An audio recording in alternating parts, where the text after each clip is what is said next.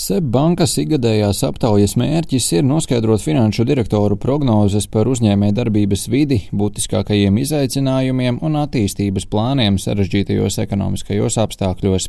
Aptaujā piedalījušies aptuveni 300 Baltijas lielo uzņēmumu finanšu direktori, kā skaidro SEB bankas valdes loceklis Inns Krasts.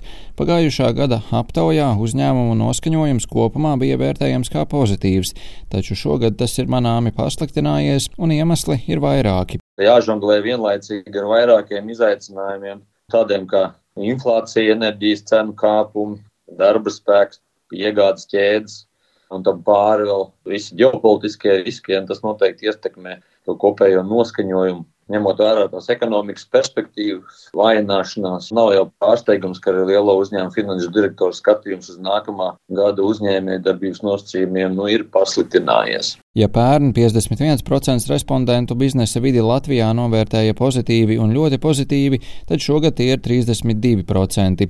Krasts izceļ, ka interesanti ir tas, ka Latvijas uzņēmumu finanšu direktori vislabvēlīgāk no Baltijas valstīm izsakās par sava uzņēmuma finansiālo situāciju. Pagājušā gada aptaujā kā nākotnes riskus Baltijas uzņēmumi atzīmēja atkārtotus covid ierobežojumus, kvalificēta darba spēka trūkumu, kā arī preču un pakalpojumu cenu kāpumu.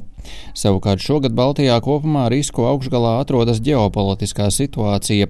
Igaunijā un Lietuvā bažas par ģeopolitiku ierindojušās pirmajā vietā, bet Latvijā uzņēmumi šo risku ierindo otrajā vietā aiz preču un pakalpojumu cenu kāpuma tā nenoteiktība karam gan turpinoties, gan tā ģeopolitiskajai situācijai sāsinoties, tas noteikti atstāja iespēju arī uz to lēmumu pieņemšanu, jo lēmumus pieņemt noteikti prasās vairāk noteiktīgu saprašanu. Ja tā nav, tad ja lēmumi tiek atlikti. Tāpēc arī tas ģeopolitiskais risks šogad ir faktiski pirmajā vietā. Neskatoties uz bažām un dažādiem riskiem, Baltijas lielo uzņēmumu pārstāvji aptaujā norādījuši, ka tiem joprojām saglabājas vēlme investēt un investīciju plāni mainīti netiks, pat neskatoties uz procentu likmju izmaiņām.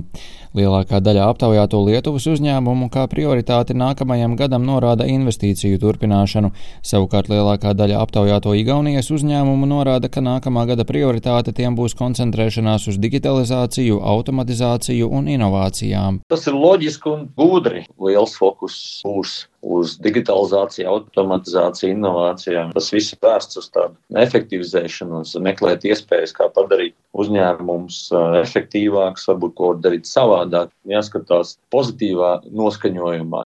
Arī Latvijā, tāpat kā Igaunijā, uzņēmumi visbiežāk kā nākamā gada prioritāti min koncentrēšanos uz trīs iepriekš minētajiem laukiem, taču te jau vienlīdz svarīga tiem būs izmaksu samazināšana. Arī Lietuvā un Igaunijā izmaksu samazināšana ir starp top trīs prioritātēm. Tas tikai norāda uz to, ka uzņēmumi meklēs iespējas efektivizēties un darīt visu, lai uh, uzlabotu finanšu situāciju, ja tas nepieciešams pieeja pie finanšu resursiem, lai nodrošinātos neprognozējumībai, uh, kādiem satricinājumiem. Krasts norāda, ka uzņēmumi, kas ir visbažīgākie par nākotni, ir tie, kas nodarbojas ar ražošanu un patērē vienu vai otru energoresursu. Šie ir tie uzņēmumi, kas sagaida atbalstu no institūcijām un arī no bankām. Prognozēs par inflāciju Latvijā vērojams vispesimistiskākais noskaņojums Baltijā, proti lielākā daļa Latvijas uzņēmumu finanšu direktoru prognozē, ka nākamā gada laikā inflācija būs 10 līdz 12 procentu robežās, bet kaimiņu valstīs tā domā mazāk uzņēmumu pārstāvju. Vairāki jautājumi aptaujā uzņēmumiem uzdoti arī par ietekmi uz vidi. Latvijā un Igaunijā uzņēmumi zaļās investīcijas nākamā gada laikā visbiežāk plāno veikt CO2 pēdas nospieduma mērīšanā, bet Lietuvā ilgspējīgas stratēģijas izveidošanā un izvēršanā. Rihards Plūme, Latvijas radio.